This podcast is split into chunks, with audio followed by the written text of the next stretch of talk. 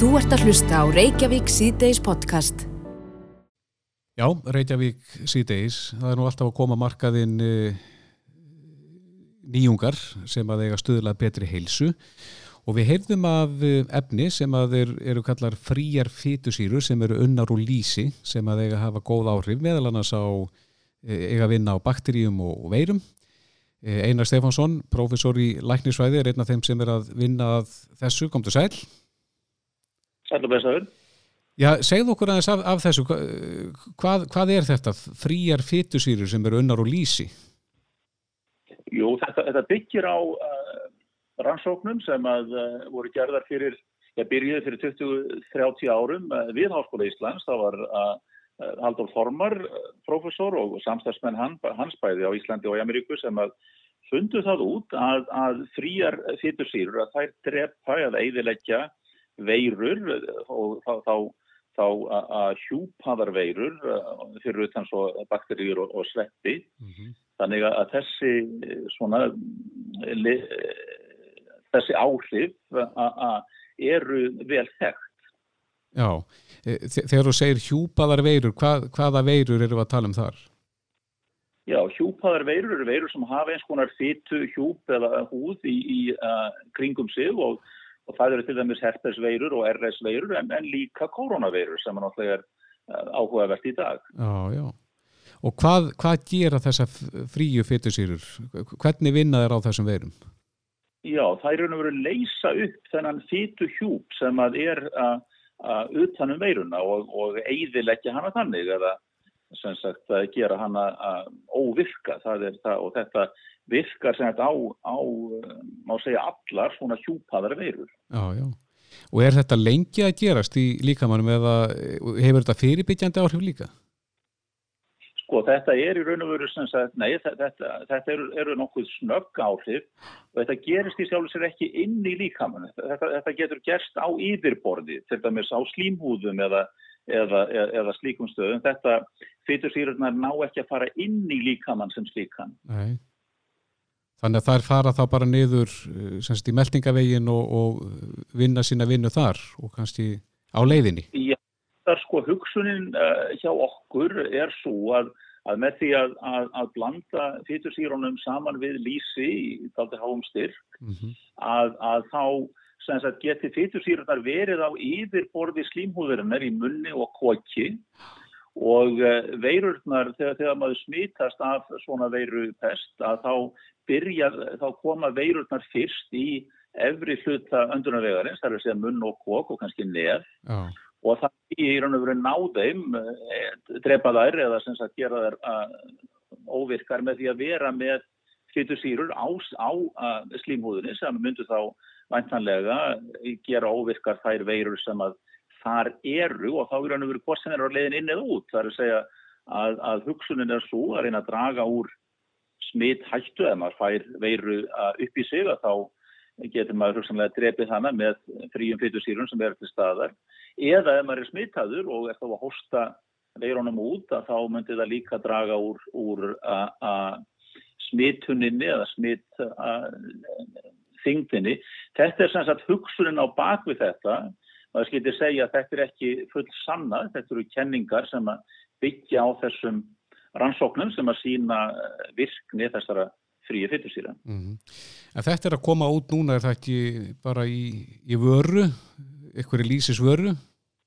Já, sem sagt Lísi HF og, og, og Lipid Pharmaceuticals hafa staðið að því að, að búa til vöru sem er sem sagt 2% þessar fríu fytusýrur í lýsi og hugsunin er að nota þetta sem eins konar munnskól. Það er að segja taka eina teskeið, leiða henni að, svona, að, að skólast um munnin og sérstaklega kokið til þess að, að fá fríu fyttu sírutnar yfir slímhúðina í kokinu og þá í þeirri trú og von að þetta verði til þess að eiðilegja þær veirur sem að þar kunna að vera og, og við vitum að að þegar og ef maður smittast af svona veirupest þá eru veirutnar til að byrja með einmitt í þessari slímúð. Já, þetta er sett upp í munnin, velta aðeins til og kannski gurgla svona aðeins í, í kottinu en er þessu síðan spýtt út eða á að kingja? þetta er náttúrulega sem, það, það, það er rétt eins og hvert annað lýsi þá, þá má bara kíkja því og maður reynir kannski að halda því í munninum og kokinu sem lengst einmitt til þess að fá fram áhrifin því að, að, að, að og reynir að halda því sem sagt eins lengjum að geta en svo bara kynkir maður uh, því sem að þá er eftir. Mm. En hafa verið gerðar einhverjar tilhörunni með þetta núna nýverið? Við höfum verið, verið að, að prófa þetta bæði á okkur sjálfum og, og svona fólkinu í kringum okkur, bæði höfum við prófað hvort, hvort þetta væri efstandi og, og hvort þetta hvort bræðið væri sæmilegt og framvegis mm -hmm. og það hefur út af fyrir sig gengið vel og svo höfum við dreift þessu til eh, svona, má segja, eh, samstarfsfólksokkar sem er í fremstu výglínu þetta heilbriðis uh, starffólks að, að, að uh, þau hafa prófað þetta líka og, og auðvitað vitum við ekki, við, það er ekki sönnuð áhrif af þessu, það er ekki verið gerð klínisk rannsókn, þetta byggir á sagt, rannsóknum á veirunni sem slík, veirunum sem slíkum mm -hmm. að sem að, eins og ég nefndi, sem að er vinna Haldur Stormars og, og fleiri á, á sínum tíma þannig að, að, að við getum ekki sagt að virknin sé sönnuð en, en við teljum góðar líkur á því að þetta geti haft jákvæð áhrif. Það var það sérstaklega að reyna að draga úr hættunni á, á, á smitun mm -hmm. með, með þessum veginn. Og er þetta komið í Vestlanir eða á leiðinni? Nei, það er á leiðinni. Þetta kemur einhver tíman á næstu dögum, kannski strax eftir helgi. Já, einmitt. Einar Stefansson, profesor í Læknisvæði. Kæra þakki fyrir þetta. Já, takk fyrir þér. Þetta er Reykjavík C-Days podcast. Síðustu daga höfum við nú fjallað svolítið mikið um COVID-19 sjúkdómin og koronaviruna en við höfum ekki kannski litið á já, þessar björtur liðar sem eru kannski umhverfis áhrifin. Já, það er náttúrulega mjög sorglitt að, að segja það eða nefna það í sömu andráni og maður nefnir hennar vírus að það sé ykkur að bjartar hlýðar en, en það eru svona hlýðaverkanir sem að sumum, kemur sumum á óvart eins og fréttir bera með sér frá fenegjum. Mm -hmm. Það sem að, er það ekki vötnin þar eða hafið er orðið tandur reynd, má segja, bara Jú. á örstutum tíma. Þeir segja að síkin í, í fenniðum hafa, já, jáfnvel bara ekki, ekki marga ára tugi verið tær og reyn. Já, höfurungar fætnar að synda þannum og þannig að það er ljóst að það sem að hefur gest hérna í kjálfarið á því að það hefur dreyið úr e, bæði fjölda ferðamanna og annað slíkt er að það hefur haft þessi jákvæð áhrif á umhverfið. Mm -hmm. En á línunni er Eithór Eðvarsson sem við höfum oft talað við, hann er hluti af Paris 1,5 hópnum. Eh, Sæl Eithór? Já, blessaður. Hvernig svona blasir þetta við þér? Það er að segja áhrif á hvað hægt hefur á öllum kerfum í heiminum og síðan áhrif þess á umhverfið. Já, það er kannski slemt að segja að maður sé bara mánað með þetta en að man, það eru klálega eins og nefndir á og bendir á að sé klálega jákvæð áhrif á þessari veru því hún hefur hægt svolítið sá hagkerfi heimsins að, að það sérst bara úr geimnum og sérstaklega í Kína sem enna að að það er alltaf 25% samdrættur í losna gróðslóttjóndum bara í Kína á þessum tíma sem að veiran var að gangi yfir.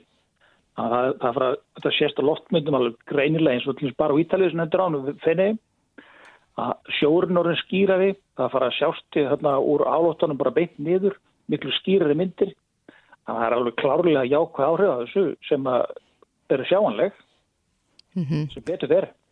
En þetta er þá líklegast bara tímabundið ástand, munum við ekki bara fara strax aftur í sama horfi eftir að þessi veira hefur já, gengið hjá, eða liðið hjá? Jú, það er hættan sko Svo líka spurning til hvað aðgeða ríkistjórnar heimsins munu grípa til þess að koma aðgerðnast á aftur. Það fannst til dæmis eftir efnaðsflunni síðast að það er að fjármála gerir hundi að þar var settur svo mikil peningur í að kera aðgerð upp aftur að losun jökst alveg svaklega mikið kjálfarið og við erum að sjá núna, fyrst að geta núna síðan fjármálunum sem að koma svona smá lækkun í vöxtin á losunni. Þannig að það er smá samdráttur hérna í þessu. En ef við spilum þetta vel hér eftir þá var þetta ná miklu marangri en það þarf að hugsa þetta svo litið og til dæmis bara það sem menn er ræða núna allins ellendis í svo áttagsmálum er, er að passa að styrkur fara allins ekki í kólavinnslu og óljugeirana og þessu intensífu sem hafa mikið skada fyrir lofslægir. Þetta frekar í að örfa þá geira sem munir virkilega stöðla sjálfbærni mm -hmm. og vonandi sjáum við líka til í Ísland til dæmis að við Íslandinga förum að ferast meira innanlands. Við þurfum svo sannláði halda hérna innanlands að ferja þjónustan fá að njóta þess að við erum með peninga sem við getum eitt hérna innanlandshækjörnum, við þurfum ekki alltaf að fara til útlanda og það myndu muna verulegum til dæmis. Mm -hmm. En er er eitthvað mælitæki á þessu þar að sér verið að mæla þetta og þessi umhverjus áhrif á svona áþreifanlegan hátt, Ve veistu til þess? Já, þetta er sérstaklega, það, það er til tölur um seldra lítra ólju, seldur lítra um ólju og svo sjáum við líka að mælikværin, á lofslagsbreytingarnir eru þessu svo kallar partar per miljón í andurslótinu.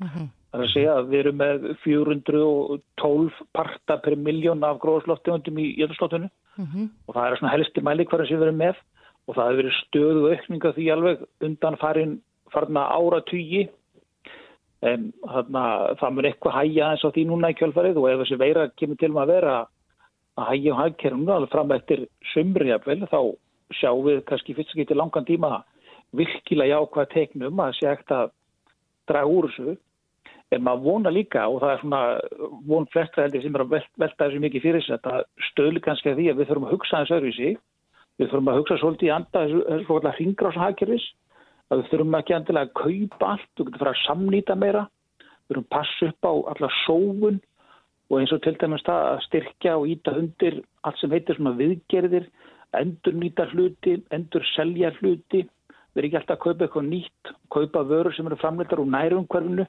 Þannig að allt þetta hagkerfi sem er í kringum alla, því það er alveg stærri heiminum matalaframleysla, það er bara spurning hvað kaupur matinn og hvað eru þetta að kaupa og ef við náum að íta undir þessa þróun sem er þessi sjálfbærni hugsun og ringrásahækjörfi þá getum við náðu alveg mjög hrætt gríðarlega márangri. Já, en þessar breytingar sem við hefum séð bara svona undarförna eins og þú nefnir í Kína og við vorum að tala um hérna á Ítalju hvað heldur þau helst að sé að hafa þessi áhrif? Er þetta minkaðar samgöngur eða framleiðsla? Já, það er, hérna, er breynsla á kólum sem að kannski er mjög Kína Kína er svo svakalega stór tækir og ég held að þessi með fjörðunga losn heimsins er góð líka. Mm -hmm. Það er bara minni brensla á kólum, ólum, ólíu og það er þessi stóru losna þættur heimsvísu sem haka mest áhrif á. Það eru að minna og svo finnst þetta líka bara í törlins frá New York og stórborgum í Breitlandi og viðarheiminum að það er stór lækkun á, á losun og, ég held að ég hafi verið að lesa rétt í New York, eru að tala um 10% minni losna gróðsláttöfundu bara þessar viku sem þetta hefur verið að fullum kraft í New York. Og Ítalið svipa, þú sér bara loftmyndir frá Ítalið, það er, það er að greina þessi gastegundu með ákveðnum tegundum myndavölum sem grípa ákveðan tegundum ljósi og það sést alveg klárlega, það er alveg stór minkun á allir losun eins og í norðurluti Ítalið og hluta Európa líka, Östuríki og, og þetta hefur, þetta hefur áhrif. Þetta er, og Íslandi finnst það líklegast mest í hana, minni ferðamörnum, minni bremsla á jarðnæðarsneti. En þetta kemur ekki til að hafa mikil áhrif á losun Íslands því að við erum ennþá þeim stað að, að stærstu lutan losun Íslands kemur úr framræstu ótlendi og yllafördu landi og þeir mm. þættir er ekkit tengdi þessu. Þannig að við getum séð eitthvað samdrátt líklega í, í sölu á jarðnæðarsneti og minni flutningum til landsinsjóks ég. En ég held að verða ekki mikil en á heimsvís er náttúrulega þetta eru stóra törur heimsísu, mjög stóra þannig að þetta, eru góða frétti fyrir, fyrir plánlötuna þessi vera komin og þessi skellulegt að segja þetta og er er þetta svo Já, en e, það að veiran kemur og áhrif þess á hagkerfið og hagvöxtin eru slæmtíðindi þannig að þetta vegur hvort á mót öðru þarna Já, við hefum hvert á mót öðru sko, bottomlænið er svona grunnum í þessu sá, við þurfum að fara í aðra tegunda hagkerfi, við þurfum að framleiða miklu minna þurfum að nýta miklu betur það sem við þurfum að framleiða. Við þurfum að velja vörur sem við kaupum miklu, miklu betur og þurfum að passa upp á og stjórna þess. Við þurfum að koma alltaf frá kólöfninsköttum eins fljótt og hægt er. Við þurfum mm -hmm. að bara stoppa, við þurfum að ennþá flytja í bíla sem brenna ólíu og dísil. Það skilur þetta engin eiginlega. Það, það er bara spurning hvernig við ætlum að hætta að reykja. Við getum hætti í morgun en við erum búin að ákveða að gera ekki fyrir eftir 2030. Mm -hmm. Þannig að við getum gert það miklu hraðar og við, við þurfum að gera þetta og þessi pressa mun aukast og svo er þessi alþjóðlega samverðan sem við sjáum líka kringum þessa veiru hún er, hún er virkilega eftirtakt að vera ég man bara getur það eins þar sem þjóður heimsera rétt út hjálparönd kýmviða til dæmis er að banku uppi á ítölum, senda fullt af grímum og öndunavélum og öllu saman. Mm -hmm. Ég má bara geta svona. Ég held að þetta getur gefið svolítið tóni fyrir því hvað hægt að gera til að ná stóru tölun niður í loftasmálunum. Því svo sannlega þurfa að snúa bökum saman til þess að ná árangur í þessu. Þetta er svo alvarlegt mál. Já, það er hár rétt hjá þér. En Eithor Eðvarsson hjá Paris 1.5, kæra þakki fyrir þetta. Takk sem er leiðis. Hlustaðu hvena sem er á Reykjavík C-Days podcast. Já, Reykjavík C-Days uh, upplýsingafundurinn var haldinn klukkan 2 hjá uh, þessu þrýeiki sem hefur komið fram og þar var nú reynda margt frólætt sem kom fram og fleiri, fleiri voru dregnirinn á þennan fund eins og sá sem fer fyrir rakningateimin og það var nú svolítið frólætt að heyra þeirra sögum af þeir, þessari miklu vinnu sem að likur að pæti því að hafa upp á fólki mm -hmm. en uh, við hefum líka heyrt það að umræðan er svolítið að snúast vegna þess að frá upphæfi höfum við heyrt um það að þetta leggist hvað þingst á uh, þá sem eldri eru og með undirlítjandi sjúkdóma sem er eflaust rétt. En við erum fann að heyra því að, að þetta leggist ekki síður þungt á yngra fólk og þá yngra heldur hefur verið rætt um. Á línunni er Bryndi Siguradóttir smitt sjúkdómalæknir, kom til sæl. Jú, komið sæl Já, hvað, akkur eru við fann að heyra svona mikið um það að, að þetta leggjast e, þungt á, á yngra fólk líka?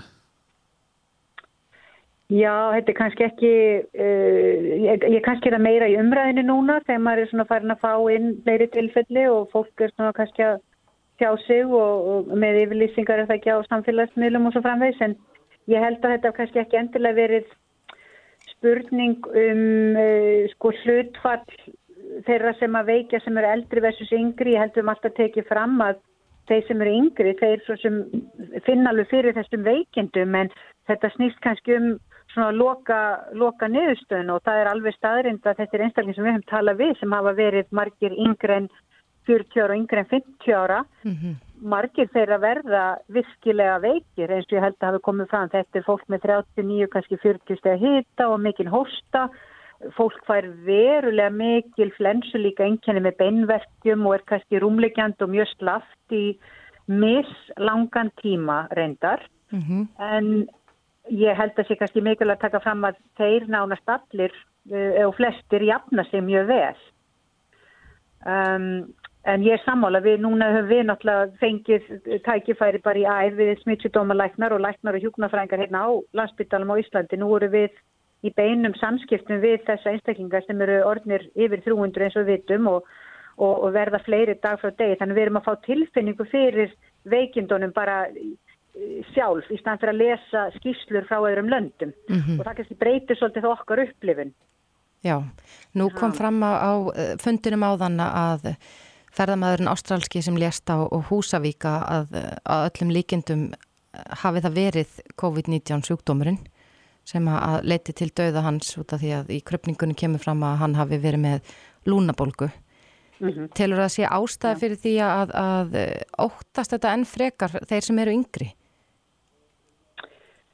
Um, ég held að allir séu að vissuleiti með smá ótta og kvíða og eru búin að vera með í einhverja mánuði sem við fyrst fréttum af þessu og við vitum að fólk á öllum aldri hefur láti lífi þó enn aftur, fólk sem er yfirleitt komin yfir miðjan aldur en ég held við um aldrei svo sem kannski bara lengt með það að vissulega getur fólk orðið mjög veikt. Nú er ég ekki alveg með smáatrið þó ég hef nú heyrt um þennan uh, aðila sem dóði miður og ekki kannski ljós hvort það hefur aðrir undirleikjandi þættir hjá, hjá honum. Mm -hmm. En við höfum heyrt um sko uh, það að þessi veira getur líka lagst á hjartavöðvan og það er oft þáttur í til dæmis skyndidauða ungstfólk sem fær veirusíkingu, bara eins og til dæmis influensu eða aðra líkar veirur, þannig að þetta er svo sem ekkit óþægt og þetta sé, þetta er gífilega sjálfgeft, þetta er gífilega sjálfgef orstök andláts og þetta var bara mjög storglegt mál. Um, þessir eh, einstaklingar sem við höfum talað við, það var eins og þú viti verið á öllum aldri og það sem er kannski uh, verðt að taka fram með það er ábúslega mikil fjölbreytni í engjana þessar einstaklinga. Það er mjög svona, áhugavert eða svona kannski rétt að benda á að, að sumir finna fyrir vægum engjanum í 24 daga fá, þetta byrjar yfir sem kýtli hálsun, það er mjög margir sem lísta því svona kýtli hálsunum mm -hmm. og fá svona kannski vægan haustverk lágan hita og beinverki og, og sumir jafna sig af 2-3 dögum en hjá öðrum þá viðhelst þetta ykkur tíma, hitin fyrir jafnvel upp í 39-40 gráður. En það sem við erum að sjá núna sem að gæti spilað inn í fréttaflutning undanfarnar daga er að þeir einstaklingar sem að greina, eða stíkjast og greinast kannski fyrir viku tíu dögum þeir eru komnir á setni hluta veikindana sem að við höfum alltaf talað um að þetta er svona tveggja fasa veikindi þar að segja að það er svona aðdragandi og svo stundum í svona 10. til 14. degi getur komið svona setni bylgja og þessu var líka vel, vel líst e, e, í útlæði sem þetta erlendis og við erum að sjá það svolítið að fólk sem búið að vera veikt og, og er að jafna sig og svo verður svona svolítið meiri veikindi og meiri hósti, mæði, þingsli og þetta fer kannski að hafa áhrif á heilbreyðskerfi þegar við vitum að 200-300 manns eftir eina til tvær vikur muni upplifa svona einkenni lang, lang, lang flestir jafna sig að sjálfsögðin og þessum tíma þurfum við að meta, mæla súreifnismettun, fylgjast með lungunum, hugsaðan að gefa síklarlefa því að það, geta, það er auknar, eh, það er aukinn hægt á baktri lúnabólgu ofan í svona eh, veiklu lungu, ef maður vorða þannig. Mm -hmm. Þannig að þetta er kannski það sem við erum eftir að þurfum að fylgjast mjög vel með á næstu dögum og vikum. En hversu algengt brindis er það að fólk upplifi þetta að það komi svona setni bylgja? Er það algengara en ekki? Um, mm, mér langar að segja svona 50-50. uh, eh, allavega ég, ég, hef, ég hef verið að ringja svolítið út og er endar á, vaktinum í kvöldíka en það er sem betur fyrir komið opbúrslega mikið af góðu fólki til að aðstöða okkur. Við erum það náttúrulega alveg ljóst að nokkri smittsjúdómalættar á landsbytalunum mun ekki komast yfir þetta, en það er komið uh, deildalæknar og hjúkunafræðingar og aðrir, aðrir læknar inn í þetta. En uh, ég myndi stegja, alveg góður helmingur er, er lítið veikur eins og er. Og ég hef talað af fólk sem er, ég ætla bara að segja það á áttaræðisaldri sem fann valla fyrir veikindunum. Og það eru margir að bera saman veikindi sem eru frá bandaríkjónum versus til dæmis Evrópu eða Ítali og það er kannski allt og snemt að spá fyrir um það en sumi vilja meina að þeir sem hafi smittast út í bandaríkunum fái vægari veikindi, ég ætla nú ekki að vera með neina yfirlýsingar en það er bara áhugavert að, að, að, að tala við þá einstaklingu og fara yfir þau mál. Þetta er allt saman mm. skráð og fólk fær símtöl. Hins vegar að fólk er minna veikt, þá reynum við að hérna, eh, hafa lengri tímamilli símtala, reynlega bara út af, út af álæginu á heilbjörnstafsókið. Eh, við erum að kalla fólk inn í til skoðunar, bæði hefur hafa læknar farið heim til fólks til að meta og svo er verið að vinni því að komi betri móttöku á bráðadeildinu til þess að geta tekið fólk í mat og skoðin ef þörfir á. Mm. En Bryndis, hvað er best að gera til þess að, að slá á, á einkennin? Ertu með ykkur húsráð eða er það bara líf sem að, sem að virka? Já, við mælum alltaf með paracetamóli eða pa parataps til að lækka hitan. Ég ætla, ég, ég ætla nú ekki að tala neitt um neinn svona húsráð, það hefa margir tjáð sig um ímislegt en það er ekkit vísundilega sannað uh, kallt eða heitt vart versus að gargla ting eða taka, ég ætla nú ekki að segja mikið um það mm -hmm. en það er kannski það sem hefur verið svolítið umræðinni sem ég, um, hefur verið þessi umræðin um paracetamol versus ibuprofen eða naproxen þar sem bólguðindi gíktalif versus parataps og ég ætla að nefna það þá að það er svona verið að vinna í þeim uh, hérna, þeirri upplýsingasöfnun. Það hefur verið gefið sín að ef þú ert með koronaviru síkinguna ættur ekki að taka bólguðindi gíktalif sem svona verkja og hittalækandi lif sem við mælum oft með sem viðbót við uh mhm. -huh. og þetta er, uh, þannig að þetta er búið held í ganga svona svolítið á netinu og á einsum vefsíðum uh, og uh, við erum svona við reyna að það er ekki endilega komið neyn sönnun til þess að það sé hættu meira að taka íbúprófin eða, eða, eða þess táttar lif til að lækka hitan. Mm -hmm. Það virkar stundum betur á höfverk og beinverki en ég viðkenna það við erum ekki alveg búin að fara nú og vel við það data nést sjá afgerandi uh, rannsóknir á, á þessu og ég tek fram að þegar maður talar um þetta, þetta er alveg magna, við erum alltaf með fólk í fullri vinnu sem er mínir kollegar að fara bara yfir á klukkutíma fresti nýja rannsóknir og upplýsingar sem er að byrtast bæðum meðferð og, og gangmála, smitun, greiningar, aðstæriður og svo framvegis. Að þetta er í raun alveg ótrúlegt að fylgjast með að það bara, það, það hrúast inn upplýsingar á netið mm -hmm. um þessa veiru bara og við höfum náttúrulega valla undan að fylgjast með og við erum að stemja okkur einn leiðbenningar, við erum náttúrulega með gjörgjastlu upplýsingar, við erum með fólk innileikjand á deildum, við erum að fylgjast með fólk úti, úti, hérna, úti í festinu og maður verður að segja, við, ég tek fram að ég til að við séum mjög, uh, hvað maður að segja, við, við, við, við höfum aðganga þessum livjum sem verður að tala um í rannsóknum í bæði Evrópu og Kína og Bandaríkjunum og erum mm sko komin eila mjög á undan með ímislegt. Hún er Alma, afsakað, hún er Alma Möller talaði nú aðeins um á blagamannafundunum áðan að það væri einhver sambland að takja livja sem hefði, sem væri verið að skoða hvort að hún myndi vinna gegn þessari veiru. Já, já, við fórum yfir það var rannstundu byrtist bara í gerðkvöldi á, einni, á, á, á stórum eh, lækna vefniðli sem við vorum að fara yfir í morgun og þetta er bara allt, er allt í skoðunar og við myndum segja við fylgjast mjög vel með en á sama tíma eins og ég, maður er líka bara að reyna að sinna vennilegri vinnu því mm -hmm. það er mhm. fólk á spítalunum sem er með síkingar og maður er að gera annað með þannig þetta er óbúslega mikið samvinna og bara alveg stórkosleir vinnuhestar sem eru hérna, í, hérna að, að fara yfir þessi mál og, eh, og, og, hérna, og gengur allt vel eins og er en ég viðkenna alveg að, eh, að eh, þetta verður erfiðar þeim, eftir því sem fleiri veikjast. Ég ætla mhm. bara að taka það fram. Ég ætla ekki einhvern veginn að fara lengt með það en við erum að vinni því núna að tæma fleiri deildir og útbúa fleiri betra aðstöðu fyrir þá eh, einstaklingar sem eru með COVID-síkingun og þurfa að koma inn á spítalan annarkvort út af uh, hérna, mæði eða lúnabólgu eða, eða öðru. Mm -hmm. En á maður að vera bjart síðan á það að að það muni finnast já, lækning við þessu, einhver lif sem munu geta ráði við þessa veru? Já, ég heldur sem þegar komið með góðar upplýsingar um tvennskonar meðferðir allaveg sem við erum farin að nota hér á landsbytalanum og uh, já, ég er til að bjart sín á það Ég er tiltölu að ég býð mjög spennt eftir ansóknum á mótefnamælingum. Það er að segja blóðprum sem sína fram á að fólk sé læknað og komi verndandi mótefni og það er hlut af þessu sem við viljum fá munni í samfélagi til þess að fólk sé varið gegn þess að setna meir og það verður mjög áhugavert að fylgjast með þeim rannsóknum.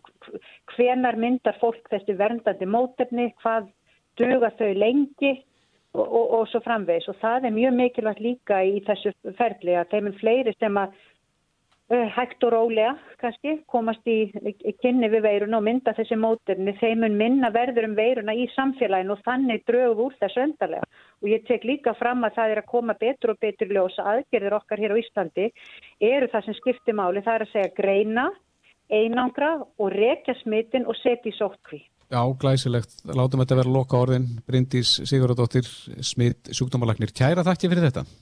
Já, takk fyrir. Reykjavík síðdeis á Bilginni podcast. Já, það mæðir óvenju mikið á heilbriðstarfsfólki um þessa myndir. Já, heldur betur. Það er nóg að gera á, á öllum vikstöðum og, og, en ég rak augun í svolítið skemmtilegan svona jákvæðan viðburð sem er tilengar þessu fólki. Mm -hmm. En þessi viðburð ber heitið Ísland klappar fyrir heilbriðstarfsfólki. Já. og þetta ásast að efna til viðbyrðar þar sem allir er að klappa okkur um tilsettum tíma mm -hmm. en á línunni er Kamila Ósk heimistóttir, hún er skipulegjandi þessa viðbyrðar, sæl vertu Kamila Dæin Þetta er ansið skemmtil, það er nú gaman að fá eitthvað svona þessi jákvægt inn í umræðina á þessum Já, verstu og erfiðstu tímum Já. Hvaðan kemur þessi hugmynd? Sko, ég sá þetta fyrst hjá frænda mínum sem býr út í Portugal mm -hmm. þar sem að þeir voru að gera þetta og mér fannst það bara ótrúlega skemmtilegt og mér langaði að prófa aðtöða hvernig það væri tekið í þetta hér og þetta gekk bara svona ótrúlega vel. Já, ég sé það hérna inn á viðbyrnum að nú, nú þegar hafa 4.400 manns skráð komu sína og 2.200 til viðbótar líst yfir áhuga. Já. Þannig að þetta verða að vera að segja að þetta er mjög góð viðbröð. Algjörlega. Hvernig sér þið fyrir að þetta fari fram? Sko ég vona bara að sem flesti takki þátt og bara fari út á svali hjá sér að hvað sem það er statt og bara klappi þannig að allt heilbreyðs starfsfólk heyra að hvað sem það er. Mm -hmm. Og hvenar verður þetta? Þetta er á förstu daginn og á morgun klukkan sjö. Og hvað er áallega að klappi standi lengi yfir? Erum við að tala um mínútu? Uh, mínútu, tvær mínútur eins, fólk, eins lengi og fólk nefnir held ég bara. Já, já.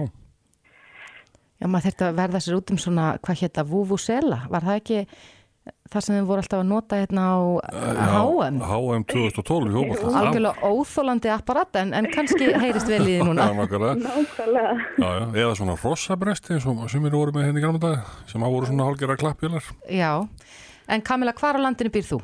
Hefur, ég er á Akureyri. Þú ert á Akureyri og það á ekki að skipta máli þá hvar þú ert stattur á landinu heldur bara sem Nei, flestir alls taki ekki. þátt. Algjörlega. Já. Uh, tímin aftur, þetta er um kvöldmáttaletið. Förstu daginn, morgun, klukkan sjö Klukkan sjö á slæginu. á slæginu. Frábært Kamila Ósk, við bara eh, klöppum fyrir þér og, þessu framtaki og vonumst til þess að sem flestir taki þátt í þessu. Já, algjörlega. Kæra þakki fyrir þetta. Takk sem leiðist. Þú ert að hlusta á Reykjavík C-Days podcast. Já, Reykjavík síðdeis. Við heyrðum það hérna í fréttunum áðan og lásum á vísi að núna á þriðudaginn tóku gildi nýjar reglur þar sem er kveða um borgarlega skildu alls fólks á aldrinum 18 til 65 ára en þetta er ekki nýjar reglur en uh, gripi var til þess ráðs að uppfæra þær í ljósi ástandsins.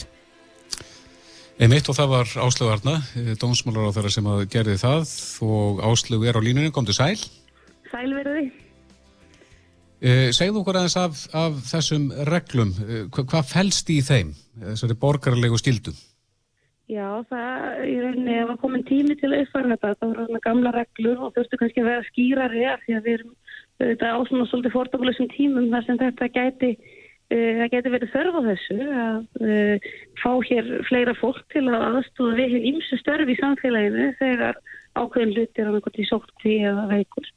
Og það fælst þess að í því að það megi hérna, það megi kveða til fólk bæði uh, fyrst og fremst í svona almannavarna vinnu sem getur verið alls konar í svona hjálparlið í rauninni og fá fólk sem sagt, til að segja um ymsu verkefni sem geta komið upp í hverju samfélagi og getur auðvitað átt við í minni samfélagum kannski engum en auðvitað líka starri svæðum. Já, á, á þess að greiðsla komið þá fyrir. Já, þá er þetta sé svona samfélagslega vinna og þetta er auðvitað bara verið að uppfæra þetta til að hafa þetta í takt við e, samfélagið í dag og við erum auðvitað í þessu öll saman og ég hef svo sem ekki stórað áhyggjur af því að, um, að fólk um, sé mikið á móti þessu ef svo ber undir að það þarf bara allir að vinna saman til að láta einhverja hluti ganga. Mm En þetta er uppfæsla, í hverju ferst uppfæslan, hvað er, hvað er breytt núna frá því, eh, frá fyrirreglum? Já, eh, bæði er þetta bara skýrara hvað sé svona hvaðning til uh, borgarlegra vinnu og í almannavörnum en hvað sé líka bara til að mynda ákveðin hóp uh, sem er til að hjálpa til og vera til taks. Um, síðan er bara verið að reyna að gera þetta skýrara sér í lægi að því að fólk er farið að þekka þessi steg sem hafa verið notuð í umræðinni. Fyrst erum við á óvissu stígi og nú erum við til dæmis komin á neyðastíg. Mm -hmm. Þetta, til þess að ráðsmegi bara grípa til á neyðastígi og það eru þetta við erum ekki verið á því stígi áður og því er þetta, hérna var verið að gera þetta skýra að það þarf að vera fordómulegstar aðstæður uppi svo að hægt sé að beita þessu. Mm -hmm.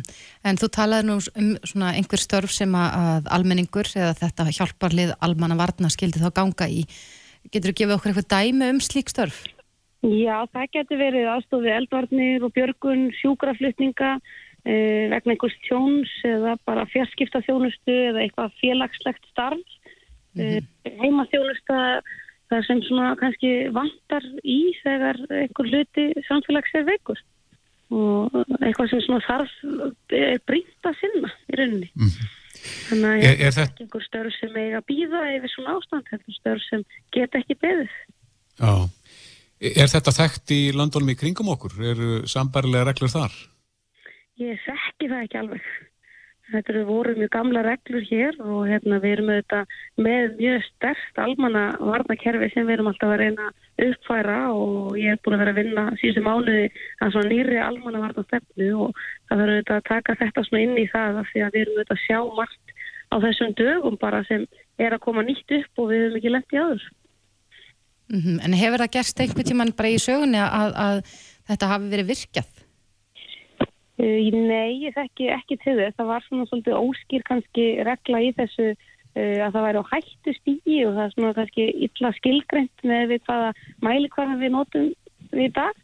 En staðan eru þetta bara hér, tekið frá degi til dags og Íslandingar hafa staðið saman hingað til og ég trú ekki að reyna þeir muni það og fram og þá er bara mikilvægt að hafa allar reglur skýrar sem gæti verið þörf á að grípa til þó að það hef ekki verið þörf áður. Mm -hmm. En hver er það sem að virkjar þessa reglu og, og ákveður hverja skal kalla til starfa? Það eru lögreglustjórur. Er er það þá ríkislörglustjóri eða, eða bara lörglustjóri í hverju undami fyrir sig? Já, það geta gert það í hverju undami fyrir sig og þetta getur átt við þegar mikil stór hluti lítil samfélags er farin e, meðal annars eins og við erum að sjá í dag að fara í sótt kvíða. Það þurfum við að nýta fólki í ymskonar störf og, og hérna eða svona við hjálp í ymsum verkefnum tilfærlendi. Já. En áðurum við missum þig áslög, uh, hafið þið voruð að funda í dag um ferðabannið í Europasambandur ekki satt. Hefur Jú. komið einhver niðurstað í það mál? Við vunum ræða það í ríkisjótt á morgun. Já, það verður rætt á morgun. Já. Já, áslög Arna, uh, Sigur Björnstóttir, Dómsmála ráð þeirra. Kæra þakki fyrir þetta. Herðu bara takk sem við leiðis, það er gott. Sem við leiðis, bless, bless. Reykjavík síðdeis á Bilginni podcast. Já, Reykjavík síðdeis, þeir eru margir ángarnir á uh, þessum uh, koronaviru faraldri og málum honum tengdum. Nú er búið að setja viða heimsóknabann á stopnarnir sem að hýsa kannski okkar viðkvamasta hóp og það er mhm. gert undir því viðstinni að, að vernda hópin og, og reyna að, að takmarka líkur á, á smiti inn á þessum stopnunum. En uh, Birgir Guðansson, fyrirverðandi yfirleiknur Hrafnistu og fyrirverðandi aðstofprofessor við Yale Háskóla, lifileiknir, eh, hefur nú blandað sér í þessa umræðu og er ekki sáttur við eh, þessar, þetta fyrirkomulag, mm -hmm.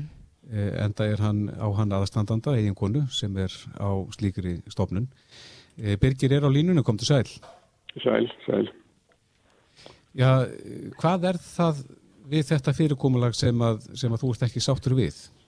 Sko það eru margir hópar sem þurfa að ganga inn út á stofnum eins og elli heimili.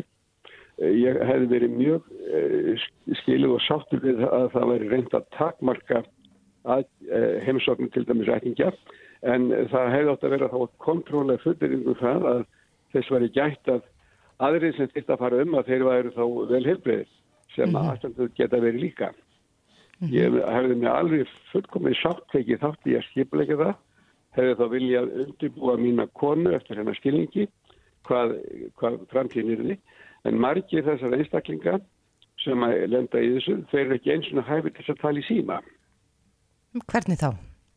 Já, eitt er, er, er búin að missa málu út af sjúkdómi, annar -hmm. hvort það var eh, eh, einhvers konar lögum eh, það var fjörmarki talað um mig út af þessu og, og líst eh, sínum vanda En fræðilega séð að taka einangra bara ákveðin hóp af öllum þeir sem þurfa að fæna á stofnun, það stænst ekki einhverjustu smitt varna logík. Mm -hmm.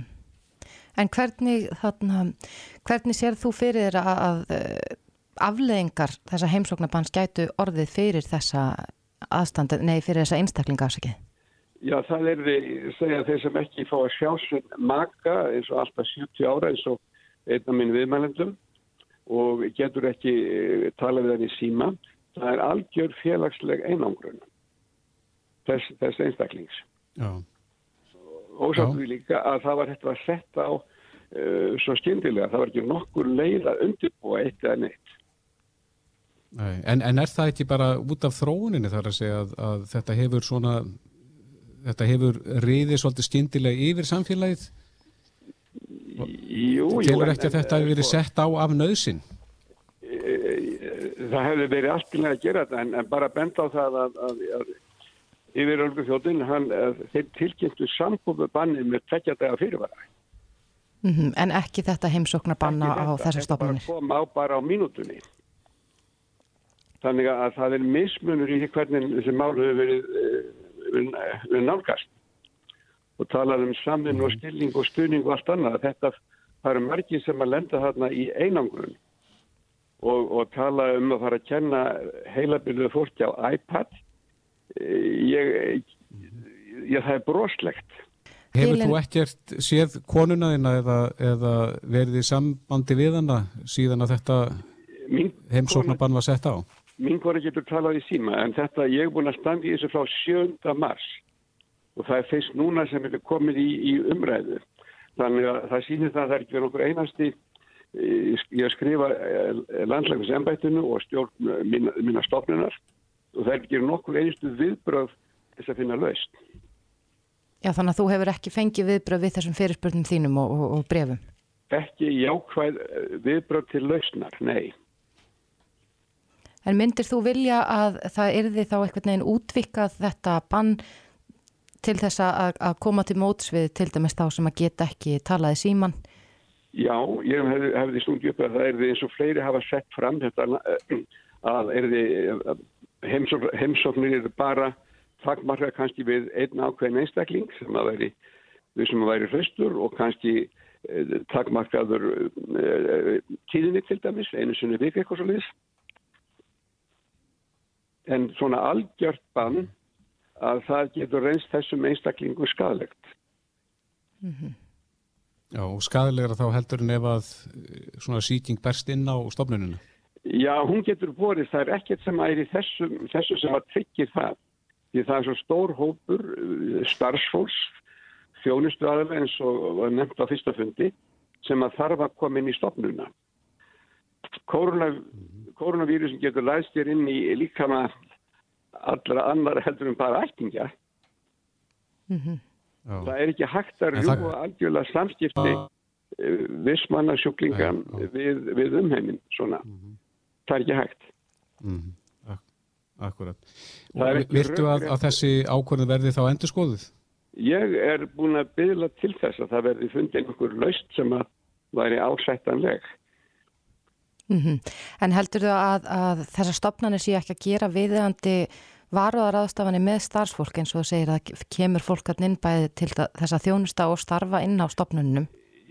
Ég býst nú í almenna það er nú ekki verið orðað að setja fram svona til einnar hugunar fyrir einnar neitt. Mm -hmm. Nei, akkurat. Birgir Guðhansson. Já. Já, e, kæra þakki fyrir þetta. Það verður frólægt að vita hvernig þessi mál þróast en svona miða við fréttir dagsins í dag og, og hvaða, í hvað átt uh, dreifing þessa vírus er hér á, eða veiru á landinu að þá málu búastu því að það verði ekki aflétt heimsóknarbanni í bráð. Já, það, það er að sjá til, þetta er bráð smittandi fyrirbæra ekki nokkuð nokku vaf á því. Það er ekki vafi. Já, einmitt. Birgir, kæra þakki fyrir þetta og, og gándi ykkur vel. Takk. Þetta er Reykjavík C-Days podcast. Reykjavík C-Days heldur áfram. Við ætlum að uh, pæla þess í því hvað við getum gert til að já, styrkja ónæmiskerfið og halda okkur hraustum þegar að koronaveiran er já, ekki búin á hámarki en, en eins og þeir sögðu á bladamannafundi áðan þrý ekkið góða að við erum að byrja að fara upp brekkuna á þessari mhm. kurvu. Einmitt. Og það er spurning, hvað hægt er að gera til þess að, að styrkja ónæmistjörfið? Bára Einarstóttir, helsumarkþjálfi er á línunni, kom til sæl. Góðan daginn. Sæl Bára. Já, þú ert helsumarkþjálfi. Hvað getur svona, já, henni almenni borgari gert til þess að bæta helsuna á tímum sem þessum? Já, nú held ég kannski að það gildir svolítið mikið bara huga vel að sjálfum sér. Mm passa svolítið upp á lífstilin sinn og, reyna að hérna, velja sér góða næringu. Það er það sem skiptir mestumáli að við borðum vel, við seifum okkur skinsamlega, notum þetta góða loft sem við eigum og þetta góða viður sem hefur verið allavega hér í höfuborginu undarfari, förum í okkar daglega göngutur og allt það og hugum að söfnunum. En svo er það auðvitað allskynns bæti efni sem hægt er að bæta við líka sem eiga að vera svona ónæmis eflandi. Já, eins og hver? Nú hefur maður heilt tala mikið um bæði C-vitamin, E-vitamin og, og eh, hitt og þetta og þá er spurning hvað af þessu eh, skiptir mestu máli? Sko það sem mér finnst svona kannski, ég er að vera vörð við að mest sé að tala um, nú er ég aðeins verið að skanna þetta, það er syngið og C-vitamini. Og syng, C-vitamin og sólhattir er svona það sem mér hefur fundist áherslan vera á.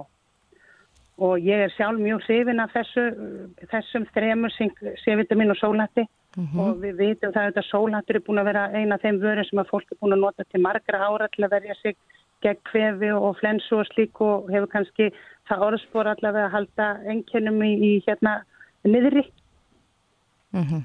og sévitamínu þetta það eflir ónæmiskerfið og syngið er rosalega gott fyrir húðina og slímhúðina og eflir ónæmiskerfið og það er kannski það sem við þurfum að huga að vegna þess að veirur auðvitað setja stað í slímhúðinni Þannig að tryggja það að húðin okkar og slímhúðin sé góð, mm -hmm. það er eitthvað sem skiptir miklu máli.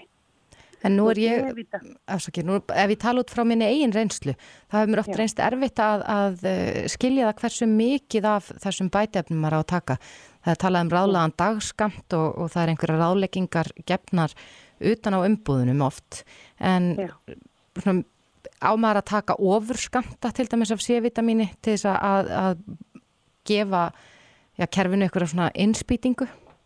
Já, þetta er góð spurning og kannski mjög erfitt að svara því. Ég held að, að maður ætti aldrei að ráðleika neinum að taka meira en ráðlaði dagskamtar eru. Mm En á hinbóin heyrir maður líka að margir er að taka meira á C-vitamini. Og sérstaklega ef að þeir lenda í því að, að verða veikir að þá kannski bæta við við. En það er ekki eitthvað sem að ég get leift mér að vera að mæla með.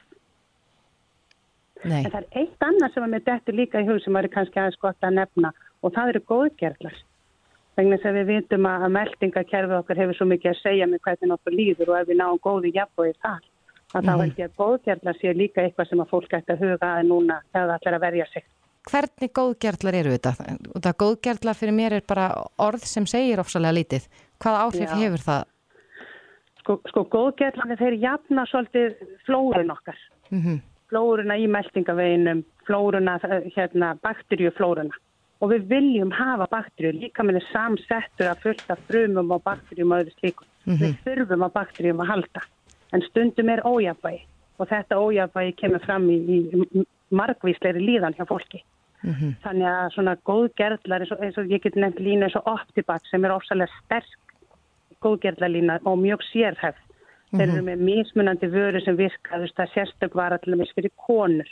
Margar konur upplifa ójafvægi uh, þá, sagt á sínu kynfrasvæði og það er sérstök fyrir konur sem er, er hérna á að hjálpa það.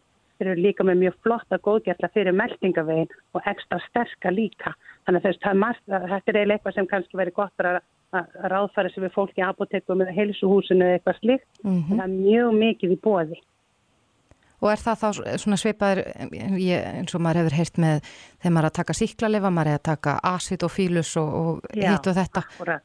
Já. Akkurat, það eru þessir Og oft- góðgerðlar. Optibak er akkurat með línu sem er til að styðja við á meðan þú ert að taka síklarlif, sem Optibak fyrir þá sem eru síklarlif. Mm Optibak er svona ofsa sérhæf lína mjög mikið rannsökuð og er með svona sérhæfða gerla, Mhm. góðgerla. Já, það er að mörgu að huga, en Bára Einarstóttir heilsumark þarf við kæra þakki fyrir þetta. Takk fyrir. Reykjavík síðdeis á Bilginni podcast.